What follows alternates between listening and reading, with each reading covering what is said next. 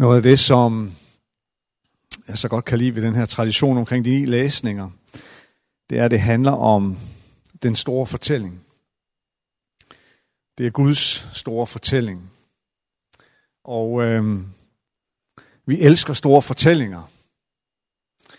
Jeg tror, vi har brug for store fortællinger. Måske det er derfor, vi holder så meget af bøger og film som Ringenes Herre, Harry Potter, Game of Thrones, Marvel-universet osv. Ikke blot fordi det er fantasy og drama, og helte og heldinder og skurke, men også fordi det er store fortællinger om liv og død, had og kærlighed, tro og tvivl, lidenskabelig glæde og afgrundsdyb sorg. Jeg har brug for noget, der kan gribe mig. Jeg har brug for noget, der kan ramme mig, der kan røre mig. Jeg har brug for en stor fortælling og en stor historie. Det har vi alle. Ikke mindst fordi vi på mange måder er en del af en historieløs kultur. Vores kultur, den tilsiger mig, at jeg er min egen lykkes med. Og jeg er selv hovedpersonen i min egen fortælling. En fortælling uden historie, hvor jeg ikke står på skuldrene af andre end mig selv. Jeg står ikke i gæld til andre end mig selv. Sådan råber denne historieløse kultur og tid til mig. Men jeg tror, at netop derfor drages vi af de store fortællinger. For noget i os fortæller os, at vi har brug for historie. Jeg har brug for en historie, som jeg kan fanges ind af. Som jeg kan se mig selv som en del af. Og en historie, som frem for alt er større end mig. For dybest set ved jeg godt inderst inde, at hvis jeg selv er det største, og den største, og intet eller ingen er større end mig, så ser det sort ud for mig. I salme 105, der læser vi sådan her. Søg Herren og hans styrke. Søg altid hans ansigt. Husk de under, han gjorde. Husk hans tegn og de bud, han gav. I efterkommer af Abraham, hans tjener. I sønner af Jakob, hans udvalgte. Han er Herren vor Gud. Hans bud gælder over hele jorden. Evigt husker han på sin pagt. I tusind slægtled det løfte han gav. Den pagt han sluttede med Abraham, den ed han tilsvor Isak. Guds store fortælling, det er jo dybest set en, skabelses, en skabelseshistorie. En frelses- og forsoningshistorie og en nyskabelseshistorie. Og du spiller en rolle i den. Guds store fortælling er også din fortælling. Igen og igen gennem det gamle testamente, der opmuntres jøderne til at genopfriske Guds store fortælling.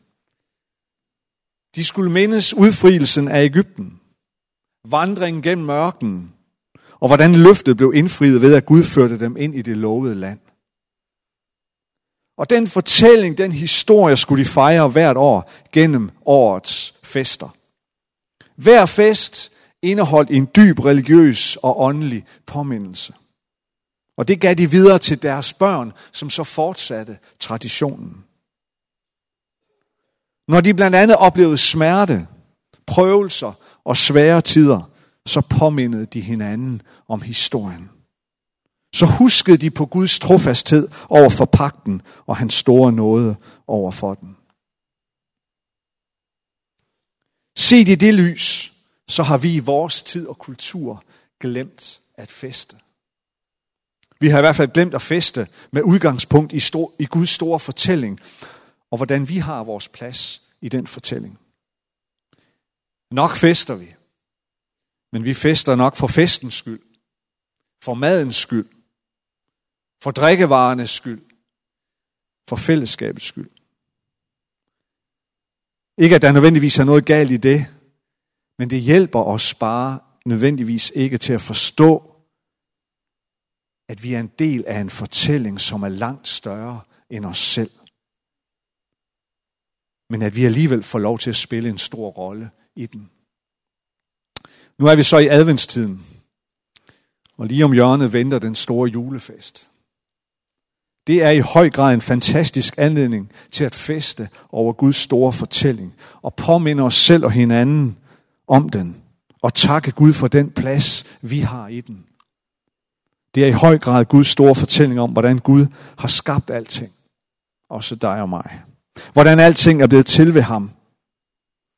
Men også noget om, at noget gik galt, og at konsekvenserne kunne have været alt omfattende og alt ødelæggende.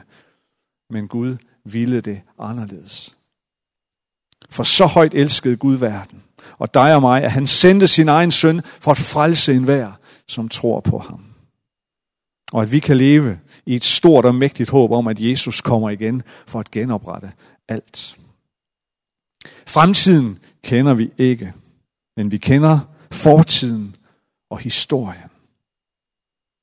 Og det er på grund af den, at vi kan opmuntre hinanden til at leve i både nuet og i et levende håb om en fantastisk genoprettende fremtid. Må Gud velsigne din advents og juletid. Lad os bede sammen.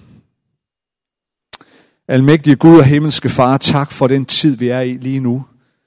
Og hvilken fantastisk mulighed det er for at mindes og for at huske på og for at minde hinanden om, hvem du er, og minde hinanden om din fantastiske store fortælling. Tak fordi du er historiens Gud. Du skaber historien, og du kalder os og drager os ind i din historie og din fortælling. Så hjælp os til at leve, far. Hjælp os til at leve i din fortælling, i din historie. Hjælp os til at tage imod denne her tid, som vi er i lige nu, og påminde os om, hvem du er, og hvad du ønsker, og hvad du har gjort, og hvad du vil gøre. Og skab en fest i os her. Og må vi feste for at mindes dig, og for at tage imod dig, og for at give dig videre til en verden, som så desperat trænger til dig. Det beder vi om noget til i Jesu navn. Amen.